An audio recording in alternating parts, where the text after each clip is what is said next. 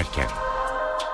Bugün 16 Eylül Salı Türkiye ve dünyada günün öne çıkan haberleriyle birlikteyiz. Ben Özlem Sarıkaya. Önce özetler ardından ayrıntılar. İstanbul'da 10 işçinin hayatını kaybettiği asansör faciası ile ilgili bilirkişi raporu savcılığa ulaştı. Faciada kusuru olanlar açıkça nedenleriyle sıralandı. Türkiye'de merakla beklenen bedelli askerlik konusunda Başbakan Ahmet Davutoğlu kapıyı açtı. Genelkurmay'dan briefing isteyeceğini söyledi. Peki Genelkurmay nasıl yaklaşıyor? Ayrıntıları az sonra Ankara'dan alacağız. Güneydoğu'da dün açılan Kürtçe okullar mühürlendi ama Diyarbakır'da o mühür söküldü. Avrupa İnsan Hakları Mahkemesi'ndense zorunlu din dersiyle ilgili karar çıktı. Mahkeme oy birliğiyle verdiği kararda Türkiye'nin bu uygulamayı kaldırmasını istedi. Ve İstanbul'da bu akşam trafiği felç etmesi beklenen bir konser, bir de maç var. İTÜ Stadyumunda Lady Gaga konser verecek. Arena stadındaysa Galatasaray Şampiyonlar Ligi sezonunu açıyor. Günün gündeminden satır başları böyle. Ayrıntılara geçelim.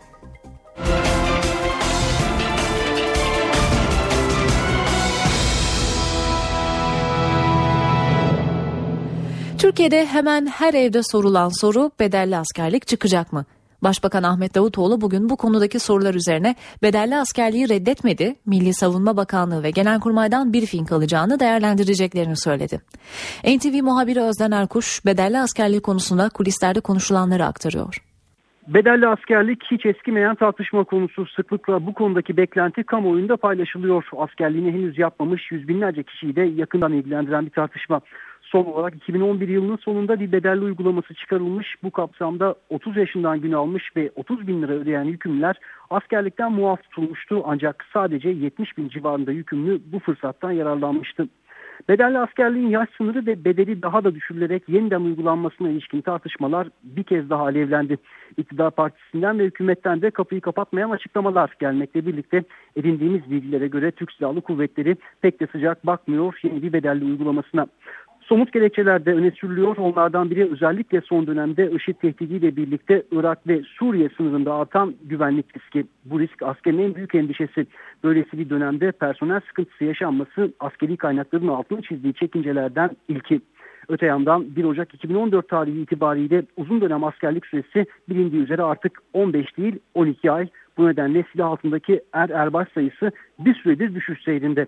Ayrıca askeri kaynaklar bedelli askerlik beklentileri nedeniyle çok sayıda yükümlülüğün etkilendiğini ve kaçak bakaya sayısının arttığını da belirtiyorlar. Özellikle bu tartışmaların alevlendiği dönemlerde ve her bedelli tartışmasında altı çizilen bir başka kaygı etik kaygı. Askeri kaynaklar maddi durumu uygun olmayanların 12 ay askerlik yapmak zorunda kalmasının kışlalarda rahatsızlık yarattığı kaygısının da altını çiziyorlar. Kısaca hatırlatmak gerekirse Cumhuriyet tarihinde toplam 10 kez bedelli askerlik uygulaması gerçekleşti.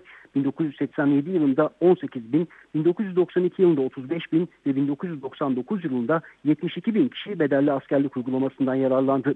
Türk Silahlı Kuvvetleri'nin rezerv koymadığı ve desteklediği tek bedelli askerlik uygulaması ise Marmara depremi nedeniyle gerçekleşen uygulamaydı. Özden Erkuş, NTV Radyo, Ankara. Avrupa İnsan Hakları Mahkemesi Türkiye'nin zorunlu din dersleriyle ilgili uygulamasını derhal değiştirmesi kararını verdi. Mahkeme zorunlu din ve ahlak kültürü derslerine karşı çıkan, karşı Ankara'dan davacı olan 14 Türk'ün davasını karara bağladı. Türkiye'de sadece Hristiyan ve Musevi öğrencilerin zorunlu din dersinden muaf olduğuna işaret eden mahkeme sistemin Alevi çocuklarla aileleri arasında çatışma yaratabileceğine hükmetti. Türk hükümetinin zaman geçirmeden yeni bir sisteme geçmesini, öğrencilerin din dersine girip girmemekte serbest bırakılmasını istedi. Oy birliğiyle alınan kararda din dersi kitaplarında yapılan son değişikliklerin yetersiz olduğu da vurgulandı. Diyarbakır, Şırnak ve Hakkari'de dün Kürtçe eğitim vereceği belirtilerek açılan 3 okul valiliklerin kararıyla mühürlendi. Ancak bugün Diyarbakır'daki okulun önünde toplanan bir grup mührü söküp binaya girdi. Diyarbakır Büyükşehir Belediye Başkanı Gülten Kışanak, Kürt çocukların ana dilde eğitim hakkının engellenemeyeceğini savundu. Diyarbakır'ı ziyaret eden Adalet Bakanı Bekir Bozdağ ise girişimin çözüm sürecine karşı olduğunu söyledi. Eğitim dilinin Kürtçe olacağı açıklanan okul açıldığı gün mühürlendi. Kalabalık bir grup mührü söküp bir gün sonra okula tekrar girdi. Diyarbakır, Şırnak ve Hakkari'de açılmak istenen özel okullar yeni bir tartışma başlattı. Türkçenin seçmeli dil olacağı belirtilen okullarda eğitim yılının ilk gününde ders başı yapıldı. Ancak izinsiz açıldığı belirtilen 3 okulda saatler sonra polis tarafından mühürlendi.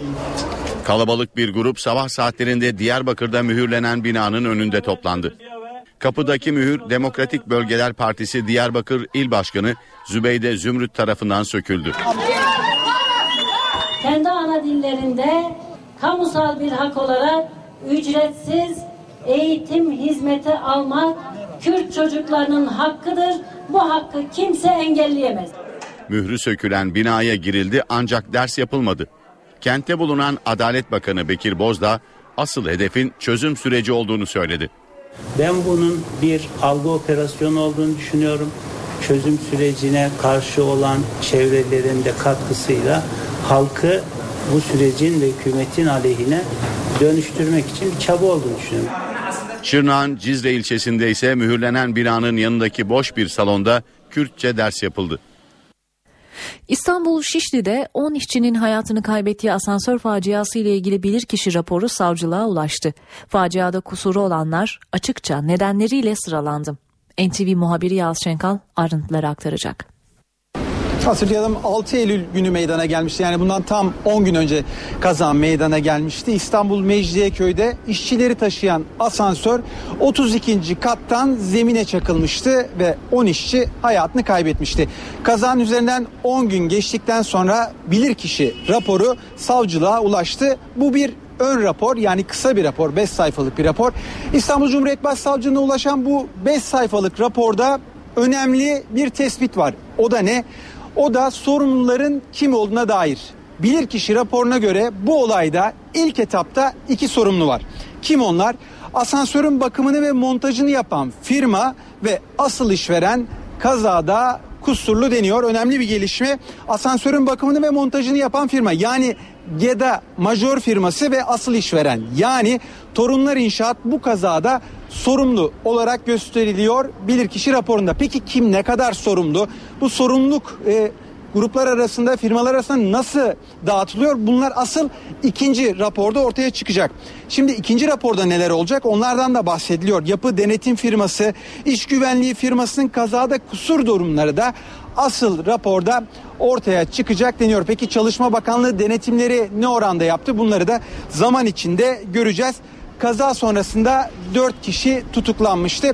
Bugün önemli bir gelişme yaşandı. Kazanlarına önemli bir gelişme yaşandı. Savcılığa bugün ön rapor gitti, bilirkişi raporu gitti ve bilirkişi raporunda asansörün bak- bakımını yapan firma ve asıl işveren sorumlu bulundu. Cumhurbaşkanı Recep Tayyip Erdoğan, IŞİD'le mücadelenin kara operasyonu olmazsa sadece hava operasyonuyla yeterli olmayacağını söyledi. Katar'dan dönerken uçakta gazetecilerin sorularını yanıtlayan Erdoğan, Türk Silahlı Kuvvetleri'nin tampon bölge konusunda çalıştığını belirtti. Alınan bilgiye göre bu kapsamda sadece Irak sınırı değil Suriye sınırı da mercek altında. Göç dalgalarına karşı sınır dışına güvenli bölgeler kurulması üzerinde duruluyor. Cumhurbaşkanı Recep Tayyip Erdoğan'ın Katar dönüşü açıkladığı IŞİD'e karşı mücadelede Türkiye'nin sınır boyunca tampon bölge oluşturma çalışmalarının ayrıntıları netleşiyor. Edinilen bilgiye göre tampon bölge oluşturulması konusundaki plan özellikle IŞİD'in işgal ettiği topraklardan kaçan Ezidiler ve Türkmenlerin Türkiye ve sınıra yakın bölgelere göç etmesiyle başladı. Tampon bölge çalışmaları kapsamında sadece Irak sınırının değil Suriye sınırının da mercek altına alındığı belirtiliyor. Tampon bölgenin sınır hattının tamamı boyunca değil, sıcak temas riski ve coğrafi özelliklerin dikkate alınarak güvenli alanlar oluşturularak kurulması planlanıyor. Çekirdek koalisyon önderliğini yapan Amerika Birleşik Devletleri yetkilileriyle de görüşülerek yapılan planlama kapsamında konunun Birleşmiş Milletler gündemine taşınması bekleniyor. Tampon bölgenin komutası hangi noktalarda oluşturulacağı, sınırın ne kadar ötesinde kurulacağına dair teknik detayların ve uluslararası hukuki boyutunun Birleşmiş Milletler kapsamında masaya yatırılması öngörülüyor.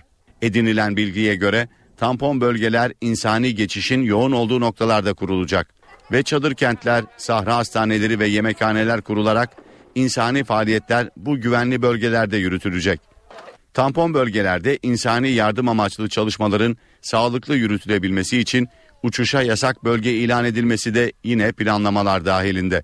Tampon bölge çalışmaları ile ilgili karargahta hazırlanan taslağın Milli Güvenlik Kurulu toplantısında Cumhurbaşkanı ile kurul üyelerine sunulması bekleniyor. Başbakan Ahmet Davutoğlu Batı medyasında çıkan Türkiye'deki gençlerin IŞİD'e katıldığına yönelik haberlerin doğru olmadığını savundu.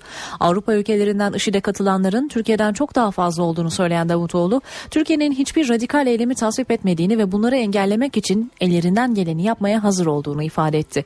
Başbakan ilk yurt dışı ziyaretini gerçekleştirdiği Kuzey Kıbrıs'tan Atina'ya da çağrı yaptı. Yunanistan Başbakanı Samaras'a gelin birlikte önce Güney Kıbrıs'a sonra Kuzey Kıbrıs'a çay içmeye gidelim diye seslendi.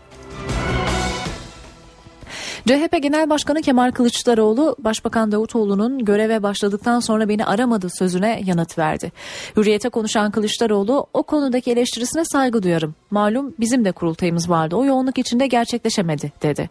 Kılıçdaroğlu, Başbakan'dan ülkenin bir sorunu ile ilgili görüşme talebi gelirse gereğini yapacaklarını da belirtti. Birleşmiş Milletler'in 69. Genel Kurulu haftaya başlıyor. IŞİD'den Ebola'ya, iklim değişikliğine kadar önemli gündem maddeleri olan genel kurula Cumhurbaşkanı Recep Tayyip Erdoğan da katılacak. IŞİD, Gazze, Ukrayna, Ebola. Uluslararası krizlerle geçen yazın ardından dünya liderleri Birleşmiş Milletler Genel Kurulu'nda bu konuları ele alacak. New York'taki Birleşmiş Milletler Genel Merkezi'nde düzenlenecek 69. dönem oturumları 16 Eylül 1 Ekim tarihleri arasında gerçekleşecek. Genel kurulun kilit önem taşıyan toplantıları önümüzdeki hafta. Birleşmiş Milletler'e üye 193 devlet ve hükümet başkanının genel kurula sesleneceği oturumlar 24 Eylül'de başlıyor.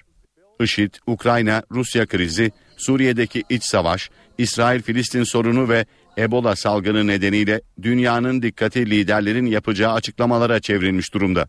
Oturumda ilk olarak Brezilya Devlet Başkanı Dilma Rousseff, ardından da ABD Başkanı Barack Obama söz alacak. Obama'nın özellikle IŞİD konusunda önemli açıklamalar yapması bekleniyor. 69. Genel Kurul, Recep Tayyip Erdoğan'ın Cumhurbaşkanı seçildikten sonra katılacağı ilk Birleşmiş Milletler toplantısı olacak. Erdoğan 24 Eylül'deki oturumda öğleden önce genel kurula hitap edecek. Cumhurbaşkanı Erdoğan'ın birçok liderle de ikili görüşme yapması bekleniyor. Kısa bir aramız var ardından haberlerimizi aktarmayı sürdüreceğiz. Eve dönerken devam ediyor. NTV Radyo'da haberleri aktarmayı sürdürüyoruz. Valiler kararnamesi çıktı. İstanbul ve Ankara valisi ile Emniyet Genel Müdürü değiştirildi. TRT Genel Müdürü İbrahim Şahin de görevinden alınıp Samsun'a vali olarak atandı. 9 vali merkeze alındı. 31 valinin görev yeri değiştirildi. Ankara ve İstanbul'a yeni valiler atandı. Bürokraside önemli değişiklikler içeren kararname Cumhurbaşkanı Recep Tayyip Erdoğan'ın onayıyla yürürlüğe girdi. Hafta sonu emekliliğini isteyen Ankara valisi Alaaddin Yüksel'in yerine Emniyet Genel Müdürü Mehmet Kılıçlar getirildi. Suriye krizi sırasında etkin rol oynayan isimlerden Hatay valisi Celalettin Lekesiz Emniyet Genel Müdürü oldu. 4 yıldır İstanbul valisi olan Hüseyin Avni Mutlu merkez valiliğine alındı. Malatya valisi Vasip Şahin İstanbul valiliğine atandı. Diyarbakır valisi Mustafa Cahit Kıraç da merkez valiliğine alındı. Yerine Samsun valisi Hüseyin Aksoy atandı. Samsun valiliğine ise sürpriz bir isim getirildi. TRT Genel Müdürü İbrahim Şahin artık Samsun valisi. Bir başka sürpriz atamaysa kamu düzeni ve güvenliği müsteşarlığına yapıldı. Twitter hesabı üzerinden görevden ayrılmak istediğini duyuran müsteşar Mehmet Ulvi Saran tenzili rütbeyle merkez valiliğine getirildi. Milli Güvenlik Kurulu Genel Sekreteri Muammer Türker Antalya valiliğine atandı. Türker'den boşalan genel sekreterlik görevine ise İçişleri Bakanlığı Müsteşarı Seyfullah Hacı Müftüoğlu getirildi. Antalya valisi Sebahattin Öztürk ise İçişleri Bakanlığı Müsteşarı oldu. Kararname ile Malatya'ya Merkez Valisi Süleyman Kamçı, Hatay Valiliğine Kocaeli Valisi Ercan Topacı atandı. TRT Genel Müdürlüğü ve Kamu Güvenliği Müsteşarlığına henüz atama yapılmadı. İstanbul'da 4 yıldır valilik yapan Hüseyin Avni Mutlu dönemi bitti. Gezi Parkı olayları sırasında açıklamalarıyla, sosyal medyada verdiği mesajlarla çok konuşulan Vali Mutlu artık merkez valisi. Malatya'dan İstanbul'a atanan yeni vali Vasip Şahin'in ilk mesajı ise İstanbul'un ağır yükünün kendi omuzlarına yükleneceğini beklemediğini belirtmek oldu. Büyüklerimizin takdiri şükranlarımı arz ediyorum dedi. İstanbul 4 yıl boyunca ondan soruldu. Kararlarıyla, açıklamalarıyla, sosyal medyayı etkin kullanmasıyla hep gündemde oldu. Hüseyin Avni Mutlu. Artık o merkez valisi. Hadi bakalım.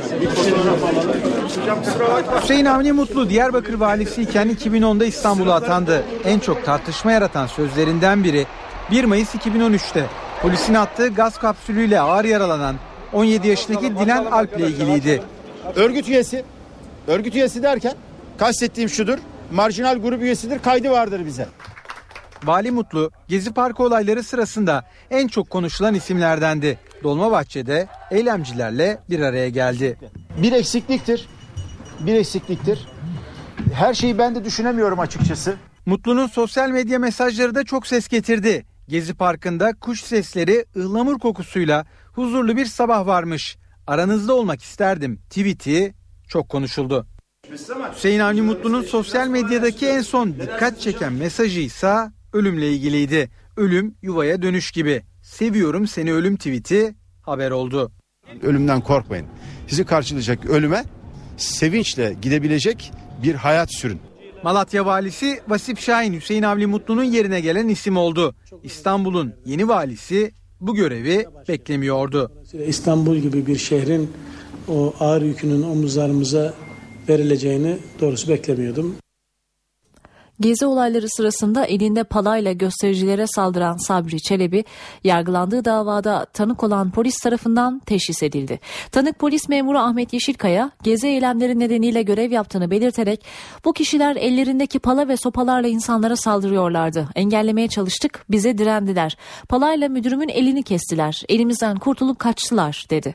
Hakim, sanıklardan hangisinin elinde pala vardı, müdürünün elini kim kesti diye sorunca tanık polis Çelebi'yi işaret etti. Çelebi'nin kasten yaralama ve polise direnme suçlarından 27 yıla kadar hapsi isteniyor. Sağlık Bakanı Mehmet Müezzinoğlu'ndan önemli açıklamalar var. Onları paylaşacağız şimdi.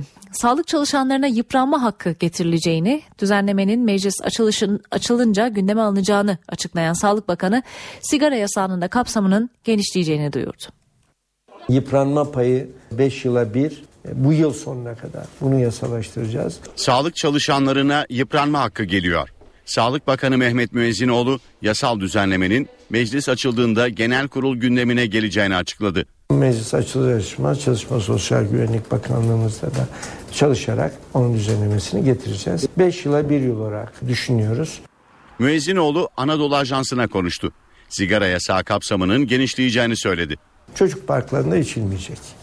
Yetişkin parklarında da yine parkın bir köşesinde orada sigara içme alanı olacak. Yine cami avlularında da AVM, hastane girişlerinde dışarıda giriş kapısından belirli bir mesafe çizgiler çizilecek. O mesafe dışında sigara içme alanları yapılacak. Sağlık Bakanı uyuşturucuyla mücadele eylem planı hakkında da bilgi verdi. Bu kapsamda ilk olarak Sağlık Bakanlığı kapsamında özel bir telefon hattı kurulacak. Aileleri bilinçlendirme, eğitim, bilgilendirme, aileye de bir güven duygusu. Yani ben alo dediğimde cevap alabileceğim. Sağlık Bakanlığı'nda alo hattını kuracağız. Ayrıca uyuşturucu özelliği olan tüm ürünler yasaklanacak. Tekirdağ Limanı'nda denize düşen otomobilde hayatını kaybeden 4 kişinin davasında mahkeme rekor tazminata hükmetti. Ulaştırma, Denizcilik ve Haberleşme Bakanlığı, Türkiye Denizcilik İşletmeleri ve Akport Liman İşletmesi ölen 4 kişinin ailesine 1 milyon 400 bin lira tazminat ödemeye mahkum oldu. Feribot Tekirdağ Limanı'na yanaşırken otomobil denize düşmüş. 4 kişi hayatını kaybetmişti. Aile ve Sosyal Politikalar Bakanı Ayşenur İslam, Kurban Bayramı öncesinde 2500 şehit ve gazi yakınının daha kamuda işe alınacağını açıkladı. Ben genç 20 yaşında gazi oldum. Sayın Bakanım, efendim bakanım. Buyurun. Benim konumu Altan amca daha iyi bilir ama hep takılı. Aile ve Sosyal Politikalar Bakanı Ayşenur İslam, kamuda ikinci iş hakkı tanınan gazi ve şehit yakınlarını kabul etti. Gazi Ömür Karaman da o kabuldeydi. 2000 yılında Kuzey Irak'ta gazi olan Karaman iş hakkını kardeşine devretti. Kardeşi ölünce hakkını geri almak istedi. Sonuç alamamasına tepkiliydi.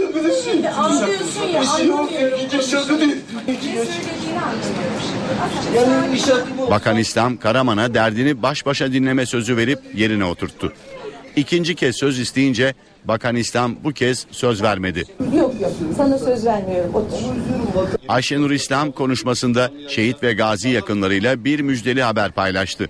Birinci e, parti atamayı e, Ramazan bayramından birkaç gün önce yapmıştık ve küçük bir bayram hediyesiydi. Şimdi ikinci parti atamayı da inşallah Kurban Bayramı'ndan birkaç gün önce yapacağız.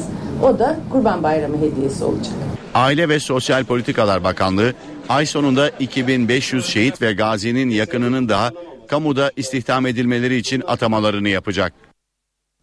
Kuveyt Büyükelçisi Ankara'da F-16 pilotu Yarbay Hakan Karakuş'u döven diplomatlarına sahip çıktı. Hürriyet Daily News'a konuşan Büyükelçi, diplomatın sınır dışı edilmesi ihtimali için Burada birçok yatırımımız var. Mahkeme kararı olmadan sınır dışı edildiği duyulursa kuvvetli yatırımcılar Türkiye'den ayrılacaktır uyarısı yaptı. Olayla ilgili bir gelişme daha var. Mahkemeye çıkarılan ve serbest bırakılan kuvvetli diplomat ve büyükelçilik şoförü için savcı yeniden tutuklama talep etti. Uluslararası Hrant Dink ödülü 6. defa sahiplerini buldu. 2007 yılında uğradığı silahlı saldırı sonucu hayatını kaybeden Dink anısına verilen ödül bu yıl aktivist Enci Zelter ve Türkiye İnsan Hakları Vakfı Başkanı Şebnem Korur Fincancı'ya verildi. Hrant Dink'in 60. doğum gününde gerçekleşen ödül töreni İstanbul Cemal Reşit Rey konser salonundaydı. Tören Hrant Dink'in eşi Raquel Dink'in konuşmasıyla başladı. Aracılığı ile insan haklarının kazanılması, yaşama geçmesi için çalışmaya ve onurlu mücadelesini sürdürenleri cesaretlendirmeye devam edeceğiz. Hrant Dink Vakfı tarafından verilen ödüllere aktivist Angi Zelter'le Türkiye İnsan Hakları Vakfı Başkanı Profesör Doktor Şebnem Korur Fincancı layık görüldü. Zelter ve Fincancı ödüllerini Ali Bayramoğlu, Baskın Oran ve Cumartesi annelerinden aldı. Törende ayrıca dünyanın farklı noktalarında insan hakları ihlallerine karşı verilen mücadelelerden örnekler gösterildi. Müzik dinletilerinin de yapıldığı tören, Hrant Dink'in 2006 yılında kazandığı bir ödülün görüntüleriyle son buldu. Büyük Britanya Perşembe günü İskoçya'da yapılacak bağımsızlık referandumunu bekliyor. Referandum öncesi konuşan İngiltere Başbakanı David Cameron duygusal bir konuşma yaptı. Biz bir aileyiz. Eğer beni sevmiyorsanız ben burada sonsuza kadar kalmayacağım dedi. Büyük Britanya'da bağımsızlık referandumuna sayılı günler kaldı. Bağımsızlık referandumu öncesi İngiltere Başbakanı David Cameron, İskoçya'nın Aberdeen kentinde düzenlenen Birlikte Daha İyiyiz kampanyasında son kez halka seslendi. Cameron'ın konuşması bir hayli duygusaldı. Referandum Birleşik Krallığı tamamen değiştirebilir. Bir konuda net olmalıyım. Bunun geri dönüşü yok. Yeniden yapılmayacak. Eğer İskoçya evet oyu verirse Birleşik Krallık ayrılacak ve sonsuza kadar kendi yollarımıza gideceğiz. Oy kullananlar sadece kendileri için değil, çocukları, torunları ve bunların ötesindeki nesiller için de oy kullanıyor olacaklar. Biz bir aile izleyen Cameron hiçbir ülkenin mükemmel olmadığını, Birleşik Krallığı'nda insanların hayatları geliştikçe durmadan değişmek zorunda olduğunun altını çizdi. Biz sizin kalmanızı istiyoruz. Kafamızla, kalbimizle, ruhumuzla sizin kalmanızı istiyoruz. Eğer beni sevmiyorsanız ben burada sonsuza kadar kalmayacağım. Eğer hükümeti sevmiyorsanız o da sonsuza kadar kalmayacak. Evet değişime ihtiyacımız var ve bunu sağlayacağız. İskoçya Bölgesel Yönetimi Başbakanı ve Bağımsızlık Yanlısı kampanyanın lideri Alex Solmant da bağımsızlık için bundan başka şansımız olmayabilir dedi.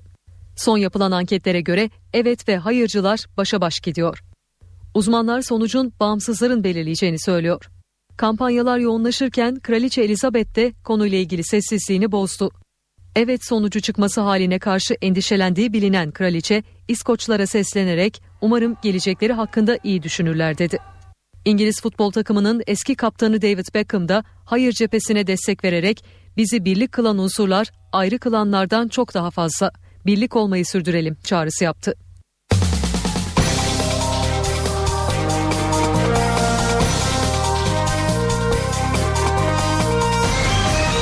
Eve dönerken Saat 17.31 öne çıkan haberlerin özetlerini paylaşacağız şimdi.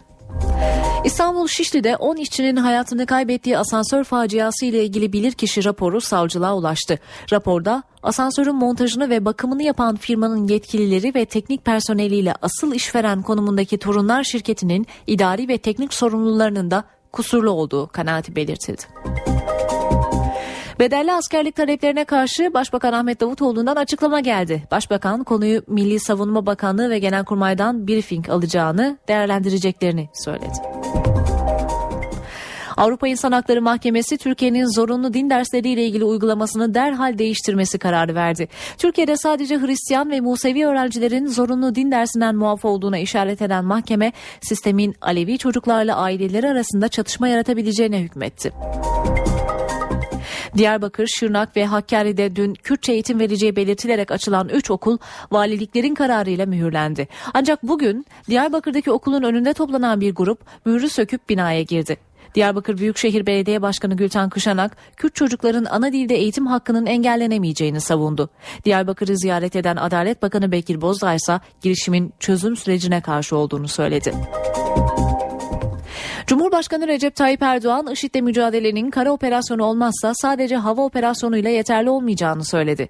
Katar'dan dönerken uçakta gazetecilerin sorularını yanıtlayan Erdoğan, Türk Silahlı Kuvvetleri'nin tampon bölge konusuna çalıştığını belirtti. Alınan bilgiye göre bu kapsamda sadece Irak sınırı değil Suriye sınırı da mercek altında. Göç dalgalarına karşı sınır dışına güvenli bölgeler kurulması üzerinde de duruluyor. Valiler kararnamesi çıktı. İstanbul ve Ankara valisiyle Emniyet Genel Müdürü değiştirildi. TRT Genel Müdürü İbrahim Şahin de görevinden alınarak Samsun'a vali olarak atandı. Sağlık Bakanı Mehmet Müezzinoğlu'ndan önemli açıklamalar var. Sağlık çalışanlarına yıpranma hakkı getirileceğini, düzenlemenin meclis açılınca gündeme alınacağını açıklayan Sağlık Bakanı sigara yasağının da kapsamının genişleyeceğini duyurdu. Tekirdağ Limanı'nda denize düşen otomobilde hayatını kaybeden 4 kişinin davasında mahkeme rekor tazminata hükmetti. Ulaştırma, Denizcilik ve Haberleşme Bakanlığı, Türkiye Denizcilik İşletmeleri ve Akport Liman İşletmesi ölen 4 kişinin ailesine 1 milyon 400 bin lira tazminat ödeyecek. Özetler böyleydi. Öğlen erken haberlerde günün gelişmelerine ayrıntılarıyla bakacağız.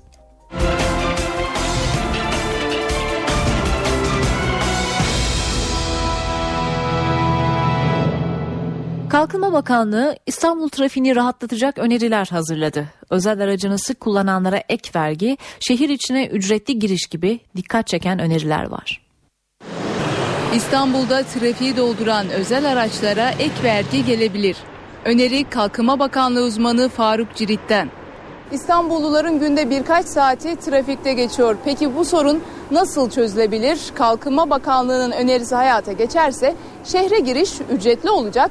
Özel aracını sık kullananlardan ilave vergi alınacak.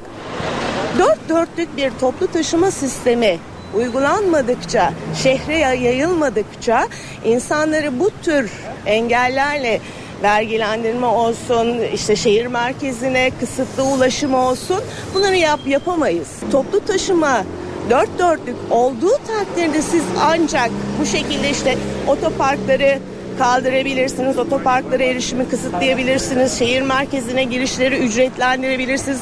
Bunlar trafiği azaltan uygulamalardır evet. Ama bunları yapabilmeniz için bazı şartları yerine getirmeniz lazım. Öneriden memnun olan da var, olmayan da. İleride özel aracım olursa sıkıntı olacak ama olması gereken bir şey bence. Çünkü keyfiyeti çok kullanım var. Çok sık kullanıyorsa ve tek kullanıyorsa bundan ilave vergi alınsın. Bence bu uygun yani. Artı para niye vereyim ki ben? Hem aracı alıyorum, vergisini veriyorum, plaka vergisini veriyorum. Öneriler arasında bisiklet kullanımını arttırmak da var. Trafikteki bisiklet sayısı çoğaldığı takdirde otomobil trafiği rahatlayacak. Otomobilciler bisikletçileri desteklerse otomobil sürücüleri kendi önlerini açmış olacaklar. Türkiye'de bisiklet kullanımını yaygınlaştırmak için birbiri ardına projeler üretiliyor. Onlardan biri Sarı Bisiklet Projesi. Projenin son durağı Eskişehir oldu. Sarı bisiklet etkinliği start alıyor. 1200 kişi birlikte pedal çevirdi. Sarı Bisiklet Sosyal Sorumluluk Projesi'nin bu kez adresi Eskişehir oldu. Sağlıklı yaşam için bisiklet kullanımını yaygınlaştırmak amacıyla kent merkezinde 7 kilometrelik parkur oluşturuldu. Büyükşehir Belediye Başkanı Yılmaz Büyükerşen'in de katıldığı etkinlikte Eskişehirliler birlikte pedal çevirdi. Evlerde oturan insanları sokağa çıkarmak istiyoruz ve burada da e, bisikleti bir eleman olarak kullanmak istiyoruz. Bir vesile olmasını istiyoruz. Proje 3 yıl boyunca farklı kentlerde devam edecek. 20 bine yakın ilk öğretim öğrencisine güvenli bisiklet sürüş eğitimi verilecek. Proje boyunca atıl durumda olan 10 bin bisikletin de yeniden yollara çıkması sağlanacak. NTV Radyo Ekonominin gündeminde Bankasya ile ilgili tartışma var. Cumhurbaşkanı Recep Tayyip Erdoğan BDDK'nın atması gereken adımlar olduğunu söyledi. Başbakan Davutoğlu, Başbakan Yardımcısı Babacan ve Maliye Bakanı Mehmet Şimşek'ten de açıklamalar geldi. Cumhurbaşkanı Recep Tayyip Erdoğan Katar dönüşünde Bankasya konusunu değerlendirdi. Takipteyiz ifadesini kullandı. BDDK'nın atması gereken adımlar var yoksa sorumlu olur dedi. Taşıma suyla değirmeni döndüremezsiniz. Bankacılığın kendine az kuralları var. Ona göre top oynamak zorundasınız. Eğer vatandaş parasını çekemez hale gelirse sermaye rasyosunda ciddi bir kapanma var demektir. BDDK'nın atması gereken adımlar var.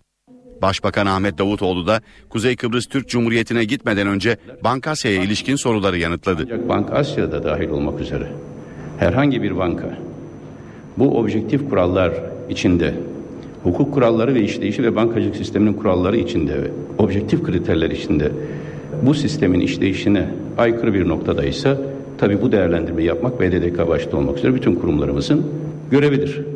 Ekonomi yönetiminden de konuya ilişkin açıklamalar var. Başbakan Yardımcısı Ali Babacan'la Maliye Bakanı Mehmet Şimşek'ten değerlendirme geldi. Her iki isim de Bankasya konusunda Bankacılık Düzenleme ve Denetleme Kurumu'na adres gösterdi. BDDK kurallar içerisinde banka banka ne gerekiyorsa bunu kuşkusuz yapacaktır. Herhangi bir bankayla ilgili hangi adımın atılıp hangi adımın atılmayacağı karar da yine BDDK'nın bağımsızca vereceği bir karardır. Kanun son derece açık. Sorumlu kurum BDDK. Dolayısıyla bu konularda açıklama yapabilecek sadece BDDK var. Bankasya'dan da açıklama geldi. Açıklamada Bankasya faaliyetlerini kesintisiz sürdürüyor. Banka 10 aydır yoğun denetimlerden geçti ve kamu otoritesinin tüm taleplerini yerine getirdi denildi. Banka ayrıca 900 milyon liralık sermayesini %25 nakden arttırma kararı aldığını da açıkladı.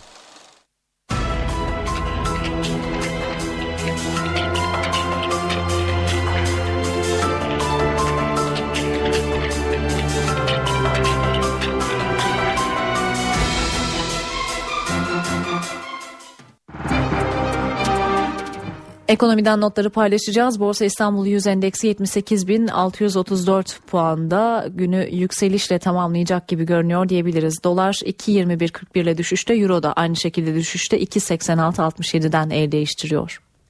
Eve dönerken haberlerde kısa bir ara ardından tekrar sizlerleyiz. Eve dönerken devam ediyor. Eve dönerken haberler sürüyor. Galatasaray Şampiyonlar Ligi sezonunu bu akşam açıyor değerli dinleyenler. Sarı Kırmızılılar D grubundaki ilk maçında Anderlet'i konuk edecek. Saat 21.45'te Star'dan ve NTV Radyo'dan canlı olarak yayınlanacak maç öncesi Türk Telekom Arena'dan son haberleri alacağız. Şimdi spor gündemi için ama sözü Volkan Küçü'ye bırakalım. Spor haberleri başlıyor.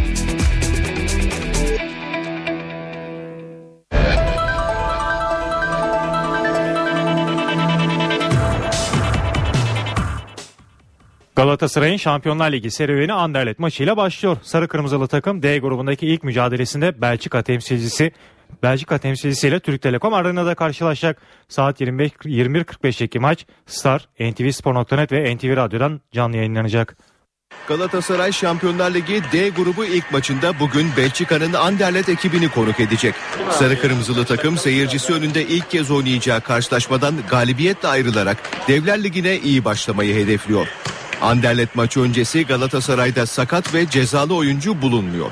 Sarı Kırmızılı takımla Anderlet arasındaki maç Türk Telekom Arena'da saat 21.45'te başlayacak.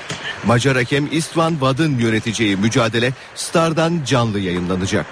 Galatasaray'ın Şampiyonlar Ligi D grubunda oynayacağı Anderlet maçına çıkması beklenen 11'i şöyle.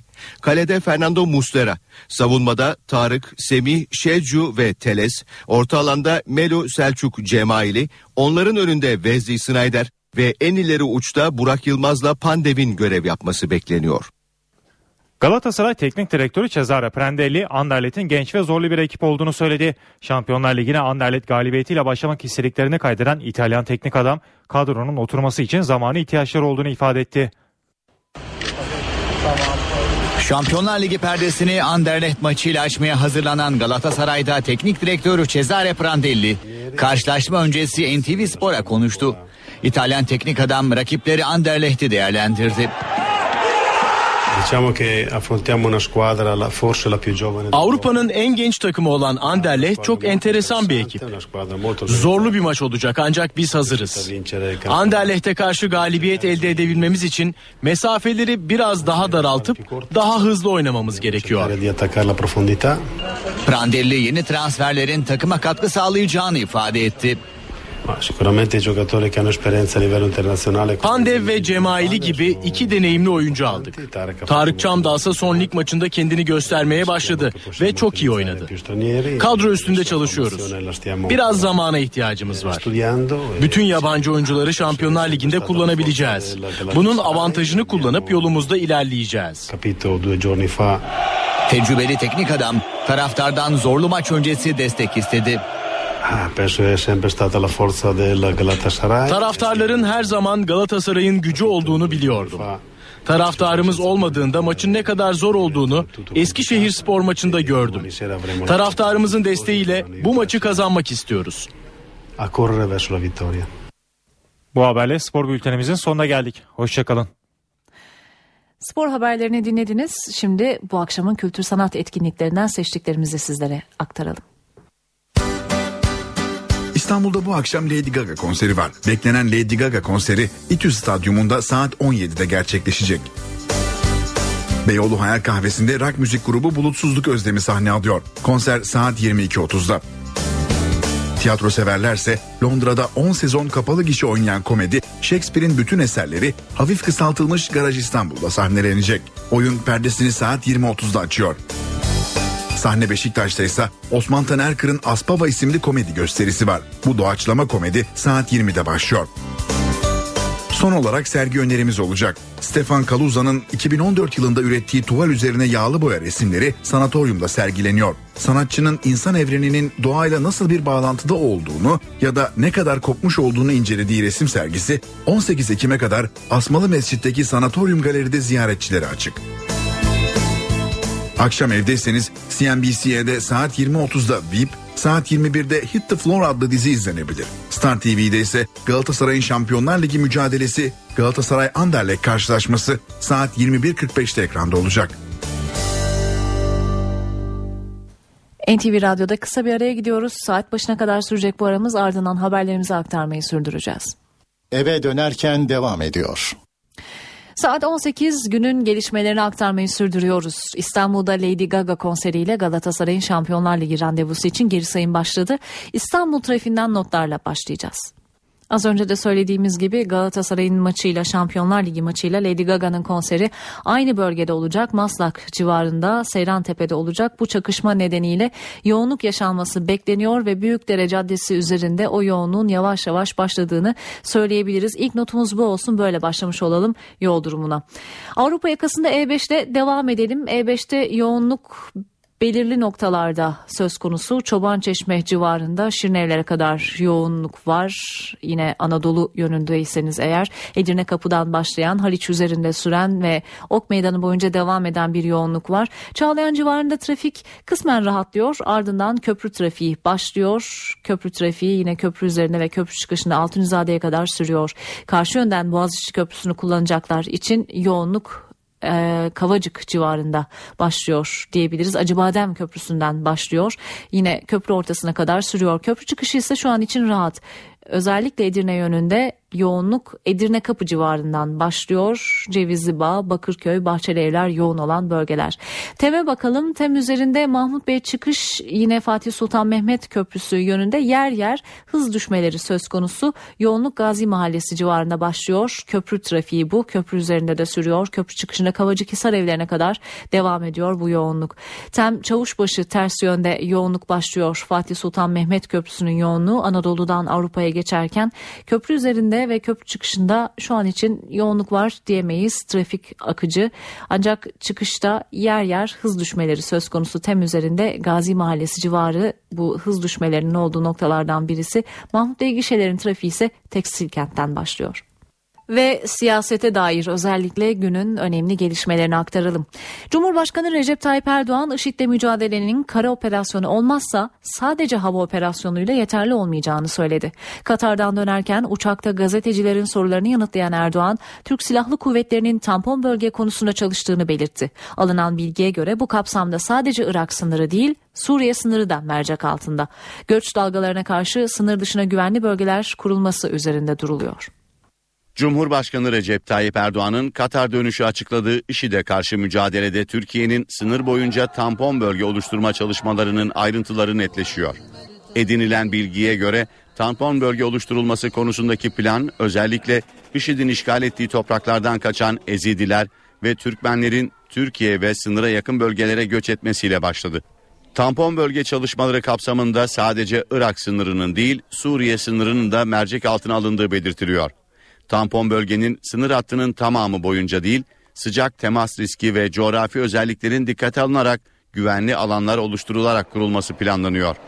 Çekirdek koalisyon önderliğini yapan Amerika Birleşik Devletleri yetkilileriyle de görüşülerek yapılan planlama kapsamında konunun Birleşmiş Milletler gündemine taşınması bekleniyor. Tampon bölgenin komutası hangi noktalarda oluşturulacağı, sınırın ne kadar ötesinde kurulacağına dair teknik detayların ve uluslararası hukuki boyutunun Birleşmiş Milletler kapsamında masaya yatırılması öngörülüyor. Edinilen bilgiye göre tampon bölgeler insani geçişin yoğun olduğu noktalarda kurulacak ve çadır kentler, sahra hastaneleri ve yemekhaneler kurularak insani faaliyetler bu güvenli bölgelerde yürütülecek. Tampon bölgelerde insani yardım amaçlı çalışmaların sağlıklı yürütülebilmesi için uçuşa yasak bölge ilan edilmesi de yine planlamalar dahilinde. Tampon bölge çalışmaları ile ilgili karargahta hazırlanan taslağın Milli Güvenlik Kurulu toplantısında Cumhurbaşkanı ile kurul üyelerine sunulması bekleniyor. Başbakan Ahmet Davutoğlu ilk yurt dışı ziyaretini gerçekleştirdiği Kuzey Kıbrıs Türk Cumhuriyeti'nden Atina'ya çağrıda bulundu. Davutoğlu Yunanistan Başbakanı Samaras'a gelin birlikte önce Güney Kıbrıs'a sonra Kuzey Kıbrıs'a çay içmeye gidelim dedi. Birleşmiş Milletler'e de seslenen Davutoğlu önümüzdeki genel kurul toplantıları var. Liderleri bir araya getirin gerekirse bir odada günlerce tutun ama artık adaya barış gelsin dedi. Şimdi Lefkoşa'ya bağlanalım. NTV temsilcisi Selim Sayarı'dan ayrıntıları dinleyelim kritik bir ziyaret özellikle zamanlaması açısından son derece kritik. Zira Kıbrıs müzakereleri yaz tatilinden çıkıp yarın yeniden start alıyor ve gündemde alver sürecine geçilmesi gibi kritik bir e, süreç söz konusu. İşte bu noktada Ahmet Davutoğlu e, çeşitli taraflara mesajlar gönderdi. Bunlardan biri de garantör ülke Yunanistan'ın başbakanı Antonis Samaras'tı. Antonis Samaras'a birlikte adanın iki kesimini ziyaret etmeyi hatta ilk ziyarete Rum tarafından başlanmasını önerdi. Birlikte ziyaretler yaparız. Önce Rum kesimine ardından Kuzey Kıbrıs'a geçeriz. Orada çay içeriz. Barış ve dostluk adasını birlikte inşa ederiz mesajını gönderdi. Kıbrıs'ta varılacak anlaşmanın Orta Doğu'da e, bu kadar krizin içindeki Orta Doğu'ya da bir örnek teşkil edeceğini söyledi Başbakan Ahmet Davutoğlu. 2004 yılından bu yana devam eden müzakerelere dikkat çekti. Türk tarafının sürekli yapıcı ve olumlu davrandığını ancak aynı karşılığı Rum tarafından göremediklerinden e, şikayet etti yakındı. Anastasiades'e de seslendi Rum lider Anastasiades'e. Eğer Anastasiades gerekli çözüm iradesini gösteremiyorsa bunu açıkça ortaya koymalı. Olmayacaksa yapamayacağını söylemeli. O zaman Kıbrıs Türk tarafına yönelik ambargolar kalkar. Biz de alternatif çözümleri oturur konuşuruz diye devam etti. Bu ay Birleşmiş Milletler Genel Kurulu var. E, Rum lider orada olacak. Türk lider Derviş Eroğlu'nun da oraya gitmesini, iki liderin bir araya getirilmesini gerekiyorsa Camp David türü bir toplantı dizisi düzenlenmesini bir odada günlerce iki liderin müzakere etmesini önerdi. Yeter ki e, barış bulunsun, e, çözüme ulaşılsın dedi. Bu arada yeni Birleşmiş Milletler arabulucusuna da seslendi. Kendisini Norveç Dışişleri Bakanı iken yakından tanıma fırsatı bulduğunu, e, arabulucunun Ayden'in iki tarafı daha fazla ziyaret etmesini, mekik diplomasisi sürdürmesini, sonuca bir an evvel ulaşılmasını istedi. Başbakan Ahmet Davutoğlu Kuzey Kıbrıs'a giderken bedelli askerlik konusundaki beklentilere de yanıt verdi. Bu haftada Milli Savunma Bakanımızdan da Genelkurmay Başkanımızdan da kapsamlı bir briefing aldıktan sonra bu konudaki ihtiyacı değerlendireceğiz. Bedelli askerlik çıkacak mı? Başbakan Ahmet Davutoğlu kapıyı kapatmadı. Bu çerçeve de atılması gereken adımlar varsa bunları birlikte gözden geçeceğiz ama öncelikle bu konuda e, gerçek tablonun ne olduğu hususunda daha geniş kapsamlı bir briefing alacağım. Davutoğlu ilk yurt dışı seyahati olan Kuzey Kıbrıs Türk Cumhuriyeti'ne hareketinden önce Esenboğa Havalimanı'nda soruları yanıtladı. Muhatabınız benim sözlerine CHP lideri Kemal Kılıçdaroğlu'nun ben ülkeyi yönetmeye talibim, sorumluluk bende derse muhatap alırız yanıtına tepki gösterdi. Benim ülke yönetmeye talip olmama da kararı Kılıçdaroğlu verecek değil, AK Parti kongresi verir. Bunun için Kılıçdaroğlu'nun icazetine ya da sorgulamasına hiç gerek yok. Kılıçdaroğlu selam verirse selamını alırız. Elini uzatırsa elimizi uzatırız. Ancak bu yürüyüş esnasında, Büyük Türkiye yürüyüşü esnasında önümüze engel çıkartırsa hiç tereddüt etmeden engelini alır yolun kenarına koyarız. NTV Radyo Diyarbakır, Şırnak ve Hakkari'de dün Kürtçe eğitim vereceği belirtilerek açılan 3 okul valiliklerin kararıyla mühürlendi. Ancak bugün Diyarbakır'daki okulun önünde toplanan bir grup mührü söküp binaya girdi. Diyarbakır Büyükşehir Belediye Başkanı Gülten Kışanak, Kürt çocukların ana dilde eğitim hakkının engellenemeyeceğini savundu. Diyarbakır'ı ziyaret eden Adalet Bakanı Bekir Bozdağ ise girişimin çözüm sürecine karşı olduğunu söyledi. Eğitim dilinin Kürtçe olacağı açıklanan okul açıldığı gün mühürlendi. Kalabalık bir grup mührü söküp bir gün sonra okula tekrar girdi. Diyarbakır, Şırnak ve Hakkari'de açılmak istenen özel okullar yeni bir tartışma başlattı. Türkçenin seçmeli dil olacağı belirtilen okullarda eğitim yılının ilk gününde ders başı yapıldı. Ancak izinsiz açıldığı belirtilen 3 okulda saatler sonra polis tarafından mühürlendi. Kalabalık bir grup sabah saatlerinde Diyarbakır'da mühürlenen binanın önünde toplandı. Kapıdaki mühür Demokratik Bölgeler Partisi Diyarbakır İl Başkanı Zübeyde Zümrüt tarafından söküldü. Kendi ana dillerinde kamusal bir hak olarak ücretsiz eğitim hizmeti almak Kürt çocuklarının hakkıdır. Bu hakkı kimse engelleyemez. Mührü sökülen binaya girildi ancak ders yapılmadı. Kente bulunan Adalet Bakanı Bekir Bozdağ asıl hedefin çözüm süreci olduğunu söyledi. Ben bunun bir algı operasyonu olduğunu düşünüyorum. Çözüm sürecine karşı olan çevrelerin de katkısıyla halkı bu sürecin ve hükümetin aleyhine dönüştürmek için bir çaba olduğunu düşünüyorum. Çırnağın Cizre ilçesinde ise mühürlenen binanın yanındaki boş bir salonda Kürtçe ders yapıldı. Avrupa İnsan Hakları Mahkemesi Türkiye aleyhine açılan davada zorunlu din dersleriyle ilgili uygulamanın derhal değiştirilmesine hükmetti. Türkiye'de en kısa sürede din ve ahlak kültürü derslerinin zorunlu olmaktan çıkarılması isteniyor. Avrupa İnsan Hakları Mahkemesi Türkiye'deki zorunlu din eğitimine ilişkin önemli bir karara imza attı. 14 Türk vatandaşın zorunlu din ve ahlak kültürü derslerine karşı 2011'de açtığı davada kararını açıklayan mahkeme Türkiye'nin Avrupa İnsan Hakları Sözleşmesi'nin eğitim hakkı ile ilgili maddesini ihlal ettiğine hükmetti. Oy birliğiyle alınan kararda Türk hükümetinden öğrencilerin zorunlu din ve ahlak kültürü derslerinden muaf tutulmalarını da sağlayacak yeni bir sisteme geçmesi istendi. Kararda din kitaplarının içeriğinde yapılan son değişikliklerin yetersiz olduğu da vurgulandı. Devletin dini konularla ilgili düzenlemelerde yansız ve tarafsız olma yükümlülüğü hatırlatıldı.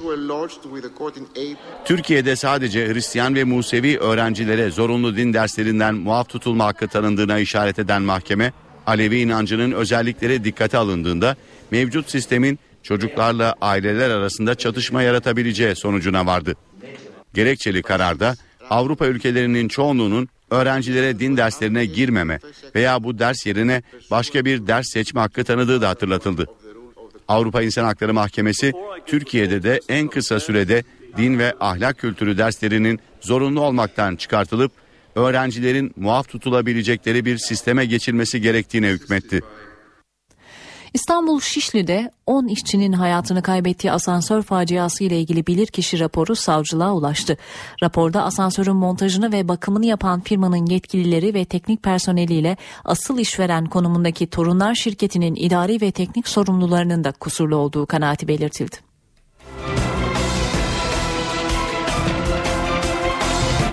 Tekirdağ Limanı'nda feribottan denize düşen otomobilde hayatını kaybeden 4 kişinin ailelerine 1 milyon 400 bin lira tazminat ödenecek. Avukatlara göre karar emsal niteliğinde. Tekirdağ Limanı'ndan denize uçan otomobilde hayatını kaybeden 4 kişinin çocuklarına 1 milyon 400 bin lira tazminat ödenecek. Adamlar yarım saattir denizin dibinde ya. Tazminatı Ulaştırma Bakanlığı, Türkiye Denizcilik İşletmeleri ve Akport Tekirdağ Liman İşletmeciliği ödeyecek. Bu karar bu şekliyle bir emsal teşkil edecektir. Selvi Eriş, Mustafa Gülhan çifti 23 Haziran 2012'de evlenecekti. Çocuklarının çeyizini Kırklareli'ye götürmek için İzmir'den yola çıkan Eriş ve Gülhan aileleri Bandırma'dan feribota bindi. Feribot Tekirdağ limanına yanaştığında içinde 4 kişi olan araç denize düştü. Genç çiftin anne ve babaları hayatını kaybetti. Rıhtıma iniş yaptığı zaman güvenlik yok. Yani personel, yön gösterici personel yok. ışıklandırma yok. Yön gösterici levha yok. Rıhtıma çıkıyor. 17 metrelik rıhtımı 3 saniyede geçip denize düşüyor. Şimdi burada hizmet kusurundan kaynaklanan bir ölüm olayı söz konusu. Çiftin çocuklarının açtığı dava 2 yıl sonra sonuçlandı. Tekirdağ İdare Mahkemesi olayda kusurlu bulduğu kurum ve firmaların 1 milyon 400 bin lira tazminat ödemelerine hükmetti. Eve dönerken haberlerde araya çıkalım aranın ardından tekrar sizlerleyiz. Eve dönerken devam ediyor. Valiler kararnamesi çıktı. İstanbul ve Ankara valisiyle Emniyet Genel Müdürü değiştirildi. TRT Genel Müdürü İbrahim Şahin de görevinden alınarak Samsun'a vali olarak atandı. 9 vali merkeze alındı, 31 valinin görev yeri değiştirildi. Ankara ve İstanbul'a yeni valiler atandı. Bürokraside önemli değişiklikler içeren kararname Cumhurbaşkanı Recep Tayyip Erdoğan'ın onayıyla yürürlüğe girdi. Hafta sonu emekliliğini isteyen Ankara valisi Alaaddin Yüksel'in yerine Emniyet Genel Müdürü Mehmet Kılıçlar getirildi. Suriye krizi sırasında etkin rol oynayan isimlerden Hatay valisi Celalettin Lekesiz Emniyet Genel Müdürü oldu. 4 yıldır İstanbul valisi olan Hüseyin Avni Mutlu merkez valiliğine alındı. Malatya valisi Vasip Şahin İstanbul valiliğine atandı. Diyarbakır valisi Mustafa Cahit Kıraç da merkez valiliğine alındı. Yerine Samsun valisi Hüseyin Aksoy atandı. Samsun valiliğine ise sürpriz bir isim getirildi. TRT Genel Müdürü İbrahim Şahin artık Samsun valisi. Bir başka sürpriz atamaysa kamu düzeni ve güvenliği müsteşarlığına yapıldı. Twitter hesabı üzerinden görevden ayrılmak istediğini duyuran müsteşar Mehmet Ulvi Saran tenzili rütbeyle merkez valiliğine getirildi. Milli Güvenlik Kurulu Genel Sekreteri Muammer Türker Antalya valiliğine atandı. Türker'den boşalan genel sekreterlik görevine ise İçişleri Bakanlığı Müsteşarı Seyfullah Hacı Müftüoğlu getirildi. Antalya valisi Sebahattin Öztürk ise İçişleri Bakanlığı Müsteşarı oldu. Kararname ile Malatya'ya Merkez Valisi Süleyman Kamçı, Hatay Valiliğine Kocaeli Valisi Ercan Topacı atandı. TRT Genel Müdürlüğü ve Kamu Güvenliği Müsteşarlığına henüz atama yapılmadı. Dünyanın en iyi üniversiteleri belli oldu. İlk basamakta son 3 yılda olduğu gibi yine ama MIT var. Türkiye'dense Boğaziçi Üniversitesi ve Bilkent Üniversitesi 399. sırada. Dünyanın en iyi üniversiteleri belirlendi. QS 2014 Dünya Üniversite sıralamasında listenin en üst basamağı bu yılda değişmedi. Bilim ve teknoloji araştırmalarıyla ünlü Massachusetts Institute of Technology ard arda üçüncü kez ilk sırada yer aldı. Yine bilimsel çalışmalarıyla ünlü Imperial College London'da Cambridge Üniversitesi ile ikinciliği paylaştı. Dünyanın en zengin üniversitesi Harvard dördüncü sırada yer alırken İngiltere'den University College London ve Oxford beşinciliği paylaştı. Sıralamada Bilkent ve Boğaziçi üniversiteleri 399. sırayı paylaştı. ODTÜ 401, Koç 461, Sabancı 471. sırada yer aldı. İTÜ listenin 500'lü, Hacettepe ve İstanbul üniversiteleri ise 600'lü sıralarında yer buldu. Sıralama dünya çapında 60 bin akademisyene kendi üniversiteleri dışındaki kurumlara ilişkin görüşleri sorularak belirleniyor. Araştırmalarda kaynak gösterilme sıklığı ve akademik personelin öğrenci sayısına oranı da önemli faktörler olarak görülüyor. Üniversite sıralaması bu kurumların itibarı, öğrenci ve personel alımı ve araştırma yatırımları açısından belirleyici oluyor. Sağlık Bakanı Mehmet Müezzinoğlu'ndan önemli açıklamalar var. Sağlık çalışanlarına yıpranma hakkı getirileceğini, düzenlemenin meclis açılışın, açılınca gündeme alınacağını açıklayan Sağlık Bakanı, sigara yasana, yasağının da kapsamının genişleyeceğini duyurdu. Yıpranma payı 5 yıla bir bu yıl sonuna kadar bunu yasalaştıracağız. Sağlık çalışanlarına yıpranma hakkı geliyor. Sağlık Bakanı Mehmet Müezzinoğlu yasal düzenlemenin meclis açıldığında genel kurul gündemine geleceğini açıkladı. Meclis açılır açılmaz Çalışma Sosyal Güvenlik Bakanlığımızda da çalışarak onun düzenlemesini getireceğiz. 5 yıla bir yıl olarak düşünüyoruz. Müezzinoğlu Anadolu Ajansı'na konuştu.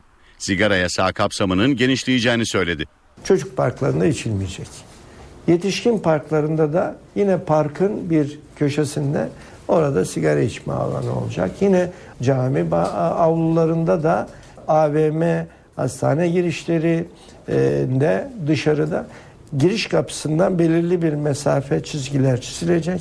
O mesafe dışında sigara içme alanları yapılacak. Sağlık Bakanı uyuşturucuyla mücadele eylem planı hakkında da bilgi verdi. Bu kapsamda ilk olarak Sağlık Bakanlığı kapsamında özel bir telefon hattı kurulacak. Aileleri bilinçlendirme, eğitim, bilgilendirme, aileye de bir güven duygusu. Yani ben alo dediğimde cevap alabileceğim. Sağlık Bakanlığı'nda alo hattını kuracağız. Ayrıca uyuşturucu özelliği olan tüm ürünler yasaklanacak. Aile ve Sosyal Politikalar Bakanı Ayşenur İslam, Kurban Bayramı öncesinde 2500 şehit ve gazi yakınının daha kamuda işe alınacağını açıkladı. Ben genç 20 yaşında gazi oldum. Sayın Bakanım, efendim bakanım. Buyurun. Benim konumu Altan amca daha iyi bilir ama hep takılı kaldı. Aile ve Sosyal Politikalar Bakanı Ayşenur İslam, kamuda ikinci iş hakkı tanınan gazi ve şehit yakınlarını kabul etti. Gazi Ömür Karaman da o kabuldeydi. 2000 yılında Kuzey Irak'ta gazi olan Karaman iş hakkını kardeşine devretti. Kardeşi ölünce hakkını geri almak istedi. Sonuç alamamasına tepkiliydi.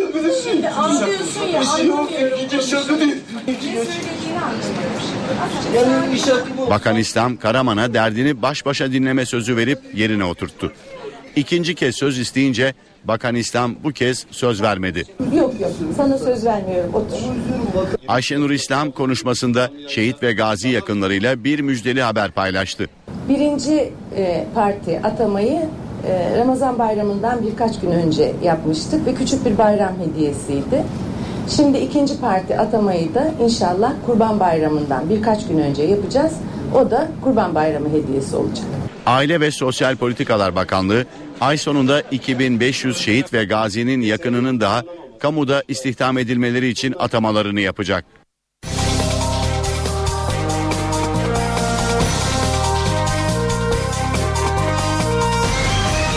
Eve dönerken Saat 18.30 öne çıkan haberlerin özetlerini aktaracağız. İstanbul Şişli'de 10 işçinin hayatını kaybettiği asansör faciası ile ilgili bilirkişi raporu savcılığa ulaştı. Raporda asansörün montajını ve bakımını yapan firmanın yetkilileri ve teknik personeliyle asıl işveren konumundaki Turunlar şirketinin idari ve teknik sorumlularının da kusurlu olduğu kanaati belirtildi. Bedelli askerlik taleplerine karşı Başbakan Ahmet Davutoğlu'ndan açıklama geldi. Başbakan konuyu Milli Savunma Bakanlığı ve Genelkurmay'dan briefing alacağını değerlendireceklerini söyledi. Avrupa İnsan Hakları Mahkemesi Türkiye'nin zorunlu din dersleriyle ilgili uygulamasını derhal değiştirmesi kararını verdi. Diyarbakır, Şırnak ve Hakkari'de dün Kürtçe eğitim vereceği belirtilerek açılan 3 okul valiliklerin kararıyla mühürlendi. Ancak bugün Diyarbakır'daki okulun önünde toplanan bir grup mühürü söküp binaya girdi. Cumhurbaşkanı Erdoğan, IŞİD'le mücadelenin kara operasyonu olmazsa sadece hava operasyonuyla yeterli olmayacağını söyledi.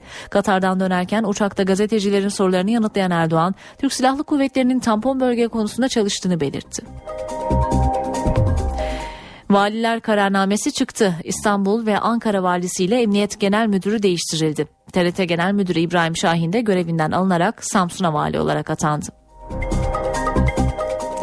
Sağlık Bakanı Mehmet Müezzinoğlu sağlık çalışanlarına yıpranma hakkı getirileceğini, düzenlemenin meclis açılınca gündeme alınacağını açıkladı. Sağlık Bakanı sigara yasağının da kapsamının genişleyeceğini duyurdu.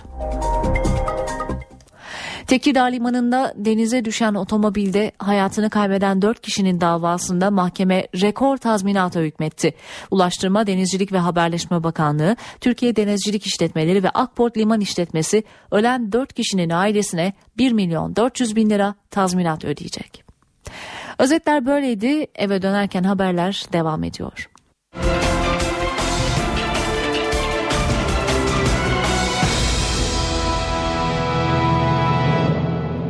Büyük Britanya Perşembe günü İskoçya'da yapılacak bağımsızlık referandumunu bekliyor. Referandum öncesi konuşan İngiltere Başbakanı David Cameron duygusal bir konuşma yaptı. Biz bir aileyiz. Eğer beni sevmiyorsanız ben burada sonsuza kadar kalmayacağım dedi. Büyük Britanya'da bağımsızlık referandumuna sayılı günler kaldı. Bağımsızlık referandumu öncesi İngiltere Başbakanı David Cameron, İskoçya'nın Aberdeen kentinde düzenlenen Birlikte Daha İyiyiz kampanyasında son kez halka seslendi. Cameron'ın konuşması bir hayli duygusaldı. Referandum Birleşik Krallığı tamamen değiştirebilir. Bir konuda net olmalıyım. Bunun geri dönüşü yok. Yeniden yapılmayacak. Eğer İskoçya evet oyu verirse Birleşik Krallık ayrılacak ve sonsuza kadar kendi yollarımıza gideceğiz. Oy kullananlar sadece kendileri için değil, çocukları, torunları ve bunların ötesindeki nesiller için de oy kullanıyor olacaklar. Biz bir aile izleyen Cameron hiçbir ülkenin mükemmel olmadığını, Birleşik Krallığı'nda insanların hayatları geliştikçe durmadan değişmek zorunda olduğunun altını çizdi. Biz sizin kalmanızı istiyoruz. Kafamızla, kalbimizle, ruhumuzla sizin kalmanızı istiyoruz. Eğer beni sevmiyorsanız ben burada sonsuza kadar kalmayacağım. Eğer hükümeti sevmiyorsanız o da sonsuza kadar kalmayacak. Evet değişime ihtiyacımız var ve bunu sağlayacağız. İskoçya Bölgesel Yönetimi Başbakanı ve Bağımsızlık Yanlısı kampanyanın lideri Alex Solmand da bağımsızlık için bundan başka şansımız olmayabilir dedi. Son yapılan anketlere göre evet ve hayırcılar başa baş gidiyor. Uzmanlar sonucun bağımsızların belirleyeceğini söylüyor. Kampanyalar yoğunlaşırken Kraliçe Elizabeth de konuyla ilgili sessizliğini bozdu. Evet sonucu çıkması haline karşı endişelendiği bilinen kraliçe İskoçlara seslenerek umarım gelecekleri hakkında iyi düşünürler dedi. İngiliz futbol takımının eski kaptanı David Beckham da hayır cephesine destek vererek bizi birlik kılan unsurlar ayrı kılanlardan çok daha fazla. Birlik olmayı sürdürelim çağrısı yaptı. NTV Radyo 200 milyar liranın üstündeki kamu alacağını yeniden yapılandıran torba yasa yürürlüğe girdi. Vergi, sigorta primi, elektrik ve su borcu olanlar için borçları temizleme dönemi başladı. Maliye Bakanı Mehmet Şimşek af ve borçların taksitlendirilmesi koşullarını açıkladı. Vergi dairelerine borçlu olanlar için en son başvuru tarihi 1 Aralık 2014. Genel sağlık sigortası primlerinden borçlu olanlar için 7 aylık bir süre tanındı. Diğer primlerden borçlu olanlar için ise 3 aylık bir süre tanındı. Maliye Bakanı Mehmet Şimşek, torba yasayla yeniden yapılandırma hakkı getirilen kamu alacakları için hesaplama yöntemi ve ödeme koşullarını açıkladı. 200 milyar lirayı bulan vergi ve sigorta prim borçları peşin ve vadeli seçeneklerle ödenebilecek. Taksitler 2 ayda bir ödenecek. Yani dolayısıyla maksimum 18 taksit ama 36 ay vade söz konusu. Bu ne için? Bu temel alacaklar yani vergi ve prim alacakları için. Burada çiftçinin elektrik borçları, su borçlarına ilave bir imkan tanındı ve yılda bir taksit olmak üzere 5 yıllık bir vade imkanı getirildi. Spor kulüplerine de 7 yılda 42 taksit ödeme imkanı getirildi. Vergi ve prim borcunu taksitle ödemek isteyenler 100 liralık borç için 6 taksitte 5, 9 taksitte 7, 36 taksitte 15 lira fark ödeyecek.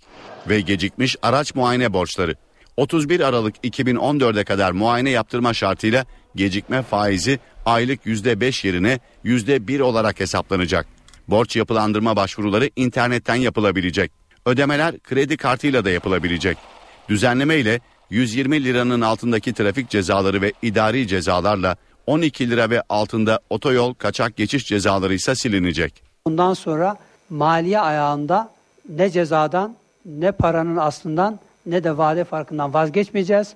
Bundan sonra bu anlamda az önce ifade ettiğimiz ve bugünkü uygulama anlamında bir af olmayacak. Ekonominin gündeminde Bankasya ile ilgili tartışma var. Cumhurbaşkanı Erdoğan BDDK'nın atması gereken adımlar olduğunu söyledi. Başbakan Davutoğlu, Başbakan Yardımcısı Babacan ve Maliye Bakanı Şimşek'ten de açıklamalar geldi. Cumhurbaşkanı Recep Tayyip Erdoğan Katar dönüşünde Bankasya konusunu değerlendirdi. Takipteyiz ifadesini kullandı. BDDK'nın atması gereken adımlar var yoksa sorumlu olur dedi. Taşıma suyla değirmeni döndüremezsiniz. Bankacılığın kendine az kuralları var. Ona göre top oynamak zorundasınız. Eğer vatandaş parasını çekemez hale gelirse sermaye rasyosunda ciddi bir kapanma var demektir. BDDK'nın atması gereken adımlar var. Başbakan Ahmet Davutoğlu da Kuzey Kıbrıs Türk Cumhuriyeti'ne gitmeden önce Bankasya'ya ilişkin soruları yanıtladı. Bank Asya'da dahil olmak üzere herhangi bir banka bu objektif kurallar içinde hukuk kuralları ve işleyişi ve bankacılık sisteminin kuralları içinde ve objektif kriterler içinde bu sistemin işleyişine aykırı bir noktada ise tabi bu değerlendirmeyi yapmak BDDK başta olmak üzere bütün kurumlarımızın görevidir. Ekonomi yönetiminden de konuya ilişkin açıklamalar var. Başbakan Yardımcısı Ali Babacan'la Maliye Bakanı Mehmet Şimşek'ten değerlendirme geldi. Her iki isim de Bankasya konusunda Bankacılık Düzenleme ve Denetleme Kurumu'nu adres gösterdi. BDDK kurallar içerisinde banka banka ne gerekiyorsa bunu kuşkusuz yapacaktır. Herhangi bir bankayla ilgili hangi adımın atılıp hangi adımın atılmayacağı kararı da yine BDDK'nın bağımsızca vereceği bir karardır. Kanun son derece açık. Sorumlu kurum BDDK. Dolayısıyla bu konularda açıklama yapabilecek sadece BDDK var. Bankasya'dan da açıklama geldi. Açıklamada Bankasya faaliyetlerini kesintisiz sürdürüyor. Banka 10 aydır yoğun denetimlerden geçti ve kamu otoritesinin tüm taleplerini yerine getirdi denildi. Banka ayrıca 900 milyon liralık sermayesini %25 nakden arttırma kararı aldığını da açıkladı. Ekonomiden notları paylaşalım. Borsa İstanbul Yüz Endeksi günü dünkü kapanışa göre 716 puanlık yükselişle 78.634 puandan tamamladı. Dolar 2 lira 21 kuruş, Euro 2 lira 86 kuruştan alıcı buldu. Eve dönerken haberlerde kısa bir aramız var. Ardından haberleri aktarmayı sürdüreceğiz. Eve dönerken devam ediyor. Haberlerimizi aktarmayı sürdürüyoruz. Galatasaray Şampiyonlar Ligi sezonunu bu akşam açıyor. Saat 21.45'te NTV Radyo ve Star TV'den canlı olarak yayınlanacak maç öncesi son bilgileri almak üzere Türk Telekom Arena'ya bağlanıyoruz. NTV Spor canlı yayın ekibinden Evren Göz notlarını paylaşıyor bizlerle. Galatasaray Şampiyonlar Ligi'nde önemli bir mücadelede Anderlet'le karşı karşıya gelecek. İlk maç olması dolayısıyla gerçekten gruptaki seyri belirlemesi açısından önemli bir mücadele. Galatasaray'da herhangi bir sakatlık ya da cezalı oyuncu yok. Muhtemelen 11 şu şekilde kalede Muslera'nın oynamasını bekliyoruz. Defansa Tarık Semih, Şevci Alex Delis orta sahada Melo, Cemaili ve Selçuk üçlüsü önlerinde Snyder ileride Burak ve Pandev şeklinde çıkmasını bekliyoruz Galatasaray'ın. Taraftarlar Sarı Kırmızı takımı çok özledi. Yaklaşık 4 aylık bir e, ara verildi Türk Telekom Arena'daki müsabakalara. En son 17 Mayıs 2014 tarihinde Kayseri Erciyes Spor'la burada karşılaşmıştı Galatasaray ve bugün de uzun bir aradan sonra taraftarlar yeniden tribünleri dolduracak. Maça ilginin yoğun olduğunu söyleyelim. Sarı Kırmızılar önemli bir maçta Anderlet'te karşı karşıya gelecek ve 21.45'te Star ekranlarından canlı olarak izleyenlerimize aktaracağız. Şu an Türk Telekom Arena'da son gelişmeler böyle. Ünlü pop yıldızı Lady Gaga bu akşam İstanbul İTÜ Stadyumunda konser verecek. Lady Gaga hayranları şimdiden konser için sırada. NTV muhabiri Burcu Aydın da orada izlenimlerini dinleyelim. Dünyaca ünlü popstar Lady Gaga ilk kez İstanbul'da konser verecek. Bu akşam 9'da başlayacak konser ancak erken saatlerde burada hayranları gelmeye başladı. Yoğun bir kalabalık var, kuyruk var burada.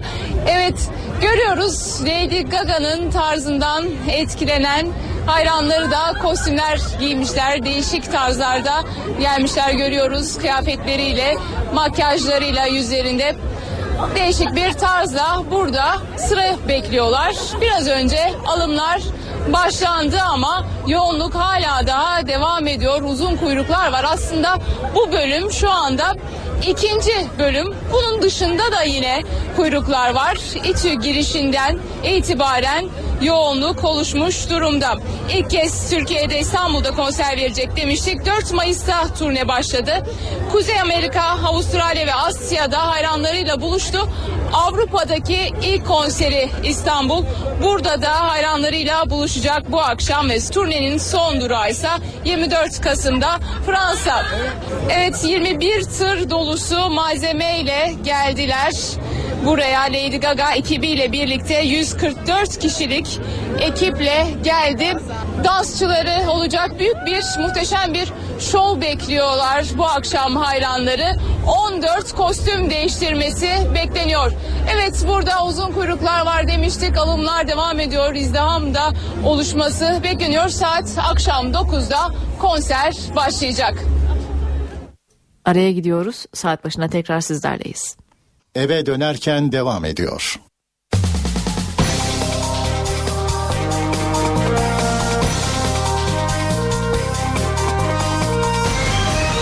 Eve dönerken. Saat 19 öne çıkan haberlerin özetlerini aktaracağız. İstanbul Şişli'de 10 işçinin hayatını kaybettiği asansör faciası ile ilgili bilirkişi raporu savcılığa ulaştı. Raporda asansörün montajını ve bakımını yapan firmanın yetkilileri ve teknik personeliyle asıl işveren konumundaki Torunlar şirketinin idari ve teknik sorumlularının da kusurlu olduğu kanaati belirtildi.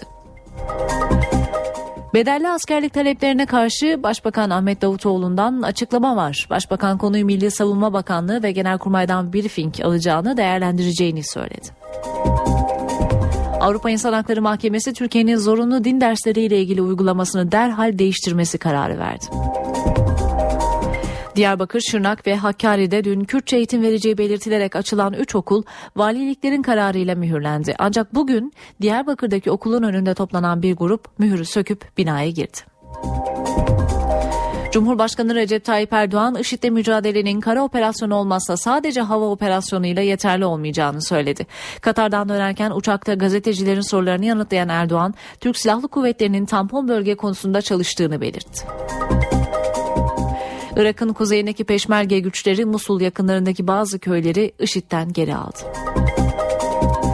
Amerika Birleşik Devletleri Batı Afrika'da hızla yayılan Ebola virüsüyle mücadele için bölgeye 3000 asker gönderecek. Valiler kararnamesi çıktı. İstanbul ve Ankara valisi merkeze alındı. TRT Genel Müdürü İbrahim Şahin de görevinden alınıp Samsun'a vali olarak atandı. Sağlık Bakanı Mehmet Müezzinoğlu sağlık çalışanlarına yıpranma hakkı getirileceğini, sigara yasağının da kapsamının genişletileceğini duyurdu. Tekirdağ Limanı'nda denize düşen otomobilde hayatını kaybeden 4 kişinin davasında mahkeme rekor tazminata hükmetti. Ulaştırma Denizcilik ve Haberleşme Bakanlığı, Türkiye Denizcilik İşletmeleri ve Akport Liman İşletmesi ölen 4 kişinin ailesine 1 milyon 400 bin lira tazminat ödeyecek.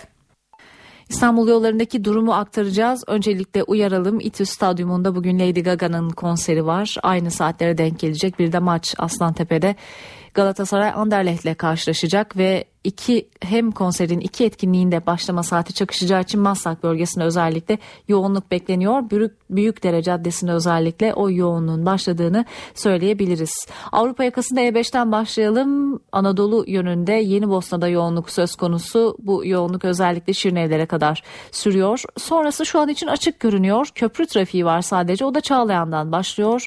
Yine Acıbadem Altunizade'ye kadar sürüyor bu trafik çıkışta da. Tersi yönde Boğaziçi Köprüsü'nü kullanacak kullanacaklar için Anadolu'dan Avrupa'ya geçişte Acıbadem Köprüsü civarında başlıyor trafik. Köprü ortasında bu trafik çözülüyor. Yoğunluk özellikle E5 üzerinde Cevizli Bağ'da başlıyor ve sonrasında Avcılar boyunca Avcılar çıkışına kadar devam ediyor. Tem'e bakacağız. Avrupa yakasında Tem Mahmut Bey gişeler çıkışı yer yer hız düşüşleri söz konusu. Kısa bir yoğunluk Bayrampaşa'da Bayrampaşa Gazi Osman Paşa arasında hafifçe söz konusu. Köprü trafiği yine Hastal'dan başlıyor Tem üzerinde Fatih Sultan Mehmet Köprüsü çıkışında Kavacık civarında son buluyor. Tersi yönde köprü trafiği yani Fatih Sultan Mehmet Köprüsü'nün trafiği Kozyatağı e, Çakmak Köprüsü civarında başlıyor özellikle köprü girişinde çözülüyor. Tem üzerinde herhangi bir sorun görünmüyor. Mahmut Bey gişeler trafiği ise tekstil kentten başlıyor. Eve dönerkeni burada noktalıyoruz. NTV Radyo yayını kısa bir aradan sonra Cem Dizdar ve Gürcan Bilgiç'in Çift Forvet programıyla devam edecek.